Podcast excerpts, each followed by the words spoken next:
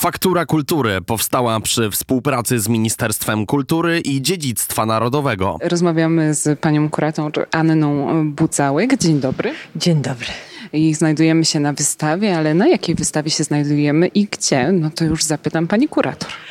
No, cudowna sytuacja, bo nie po raz pierwszy w tych cudownych, pięknych wnętrzach Zachęty Narodowej Galerii Sztuki możemy oglądać Jerzego Nowosielskiego, jego malarstwo. To jest kolejna odsłona, tym razem jubileuszowa, stulecie urodzin artysty. Piękny pretekst, żeby rzeczywiście na nowo odkrywać tego twórcę. Ile obrazów y, na wystawie się znajduje? 60 co do jednego. Czy to jest taka jedna z większych wystaw y, dzieł Nowosielskiego? W tym roku jubileuszowym tak. Rzeczywiście y, wystawą w Muzeum Narodowym w Krakowie, ja jako kuratorka miałam wielką radość przygotować jakby na początku roku e, tę prezentację z naszych zasobów, zasobów Muzeum Narodowego właśnie w Krakowie, a słona jesienna, kończąca rok jubileuszowy w Zachęcie jest rzeczywiście mocniej zaakcentowana, piękna, bogata, o wiele więcej pracy niż ja ze swoją skromną prezentacją na początku roku właśnie w Krakowie. To może powiedzmy skąd te dzieła przyjechały, bo nie są one stąd. Ojejku, to wielka radość. Rzeczywiście początek pomysłu na wystawę w Zachęcie to wystawa 26 prac z kolekcji Muzeum Narodowego w Krakowie u nas w Gmachu Głównym. E, no ale okazuje się, że Zachęta ma tak piękne przestrzenie że da się wypełnić je większą ilością prac niż tamta kameralna wystawa, więc mamy pracę z Muzeum Narodowego w Warszawie, z Muzeum Narodowego w Szczecinie. Mamy oczywiście krakowskie prace, więc to jest wielka radość rzeczywiście e, móc zobaczyć, co koledzy mają pięknego, mają znakomite zasoby, jeżeli chodzi o twórczość tego artysty. Mamy też pracę z kolekcji prywatnej, co jest zawsze gratką, bo są to kolekcje no nie, nie powszechne, w sensie takim, że nie każdy może wejść do prywatnego wnętrza i cieszyć się oglądaniem pracy artysty, więc tu rzeczywiście jest taka możliwość, bo i od pana Wojciecha Fibaka i ze Stara Collection, więc i od pana Grzymały, więc jest to piękna okazja zobaczyć też co prywatni kolekcjonerzy mają w swoich zasobach, jeżeli chodzi o mistrza Jerzego Nowosielskiego. Wystawa została podzielona na cztery segmenty. Cóż to są za segmenty i dlaczego taki pomysł? Skąd taki pomysł? Rzeczywiście y, z twórczością Jerzego Nowosielskiego, z jego przepastną, że tak powiem, ilością dzieł e, i można mnóstwo wątków sobie wyłuskać e, z tego wspaniałego dobrobytu, jaki zostawił po sobie e, Jerzy Nowosielski, mnie udało się, chyba to najbardziej mnie interesowało, zaznaczyć trzy główne wątki. To jest oczywiście pejzaż, abstrakcja i ciało, a to też była wspaniała okazja, żeby przywołać tą wielką spuściznę, jaką po sobie zostawił w postaci trzech niezwykłych ikon, e, które pokazujemy. I tym czwartym wątkiem są właśnie ikony.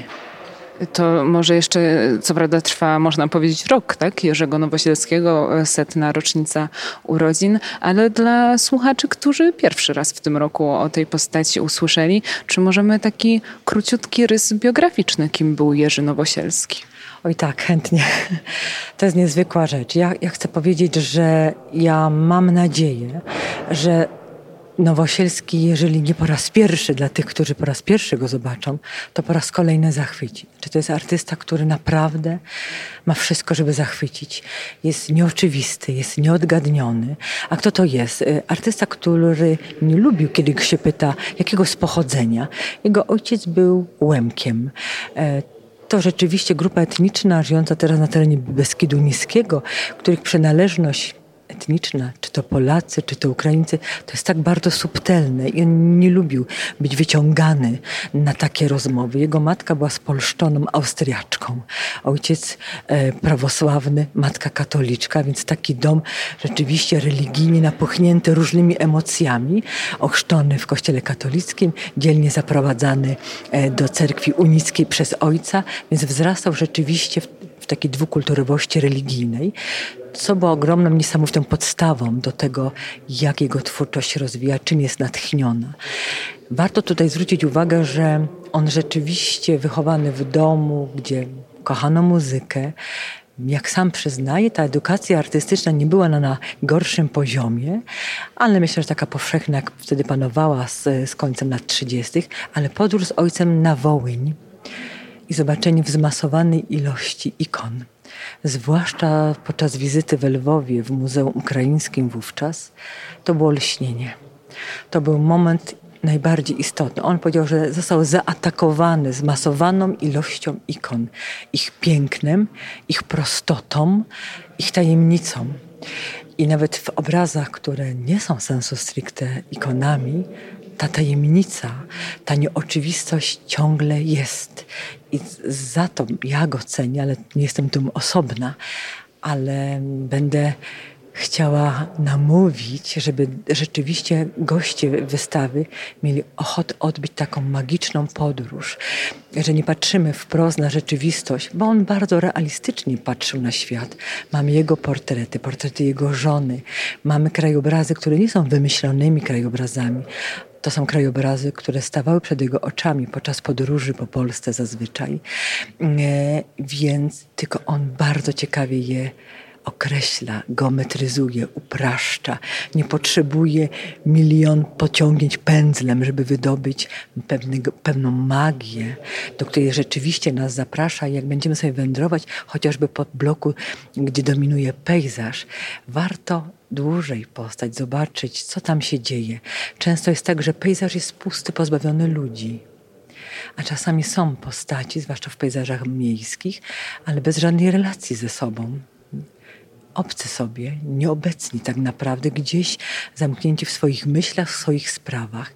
Więc on bardzo ciekawie nawet tym takim postaciom, które są tylko zamarkowane, niemal jak szkic, się przygląda. Więc polecam, żeby stanąć sobie przed obrazem nie odpuszczać mu i patrzeć i zobaczyć, co tam się dzieje, jak buduje nam ten świat e, artysta, czy pejzażu, czy abstrakcji bo abstrakcja też jest jakąś opowieścią. On był zakochany w abstrakcji.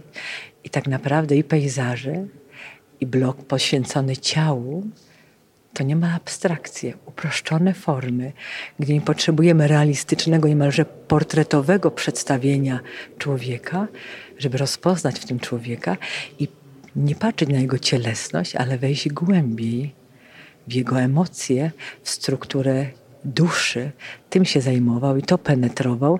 I chciałabym, żeby to zostało zobaczone na tej wystawie.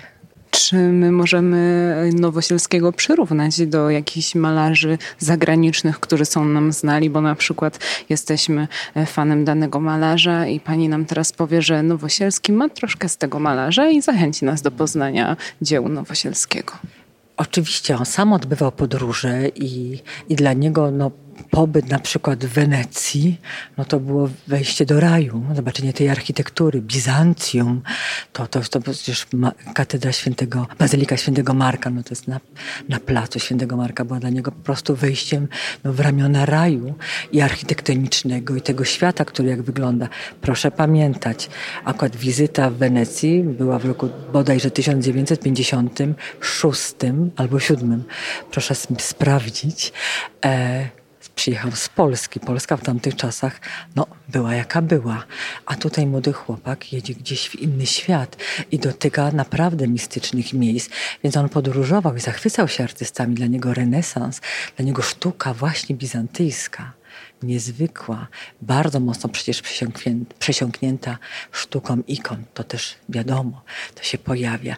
Ale surrealizm de Chirico, znakomity artysta Włoch, który wprowadza nas w takie puste przestrzenie miejskie, tajemnicze, trochę niepokojące i te pejzaże Nowosielskiego są nie mniej podobne. Fascynował się sztuką awangardową, Malewicz, czarny kwadrat na białym. Tyle, ileż my tu zobaczymy tych kwadratów. Proszę sobie przejść taką ścieżkę indywidualną tytułem Gdzie znajduje się kwadrat na obrazie Nowosielskiego. Malarstwo, sztuka afrykańska. Te kobiety, które nie mają zindywidualizowanych rys, tylko są niemal maskami afrykańskimi. Te wszystkie fascynacje bardzo ciekawie wypływają w jego malarstwie. No mnie pani kurator zachęciła, bo tak barwnie opowiada prawie jak tutaj jest na tej wystawie, bo jest y, feria kolorów. Jest pięknie, dużo tych kolorów, bardzo przeróżnych i aż przyjemnie się to po prostu e, przebywa. Jeszcze chciałam zapytać prawie na koniec, czy ma Pani jakiś swój taki ulubiony obraz tu na tej, na tej wystawie, albo taki, e, przy którym zachęca Pani słuchaczy, żeby się dłużej zatrzymać, pochylić się nad nim, bo może jest jakiś nieoczywisty, najbardziej ze wszystkich nieoczywistych obrazów. Znam odpowiedź na to pytanie. Tak, mam. On jest na moją prośbę bardzo mocno zaakcentowany. To jest przywilej i radość kuratora. To jest wschód słońca na środku. No bo co to jest ten wschód słońca? Łączy niemalże trzy wątki, które spotkamy na tej wystawie. To jest pejzaż. No któż nie miał ochoty pobiec rano, raniutko e, nad morze, jak przebywał, żeby zobaczyć, jak się budzi dzień, co słońce wschodzi ponad falami. No bo słońce daje życie, daje światło i daje ciepło. I no to jest przepiękny pejzaż i wschody są aż trywialnie, że banalnie piękne i romantyczne. Jego wschód słońca jest tajemniczy, bo w słońce jawi się jak właśnie okręg, który usadowił w centrum kompozycji. Jest jego centrum, jeszcze w pięknej malarskiej, czerwonej, prawie malinowej ramie i naokoło takie kwadraciki sugerujące pejzaż. To jest schemat ikony. Ikona jest miejscem dedykowanym postaci boskiej bądź świętej na obrazie. W centrum jest Bóg albo inne postaci boskie, czy e, postaci świętych. A on tu uświęca słońce, które jest życiodajne przecież.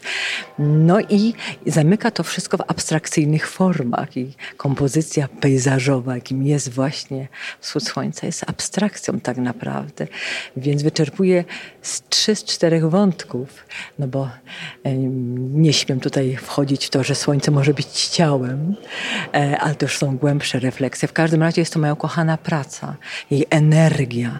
Wspomniała Pani o kolorach. Tak, kolory są tutaj szalenie intensywne, to dodaje energii. E, on miał nie za dużo kolorów, farb. On operował bardzo wąską tak naprawdę paletą barwną, ale polecam uwadze patrzeć też jak on kolory spotyka, jak zestawia. To jest bardzo ciekawy kolorysta też i na to też zwracam uwagę, poza treścią samą w sobie, jak on tę treść buduje właśnie poprzez formę, czyli dość uproszczone kształty i jak tę formę ubiera w kolor. Bardzo to też jest ciekawe. To ja jeszcze pani kurator zapytam, y, jak y, Ministerstwo Kultury z wystawą jest związane, czy jest jakoś związane? Oczywiście, że tak. E, ja tutaj e, wiem, że mamy tu życzliwość. Nie znam szczegółów, bo zajęłam się tylko najprzyjemniejszą stroną, czyli wyborem prac i dbaniem o to, żeby one ujrzały światło dzienne na tej wystawie, ale nie ma podstaw wątpić, że oczywiście Ministerstwo Kultury, które też ten rok jubileuszowy bardzo mocno akcentuje od samego początku, jest też czułym okiem spogląda również na tę wystawę. Bardzo serdecznie dziękuję za rozmowę. Od kiedy można wystawę oglądać? Już od jutra, czyli od 17 listopada serdecznie zapraszam. Zapraszamy serdecznie. Faktura Kultury powstała przy współpracy z Ministerstwem Kultury i Dziedzictwa Narodowego.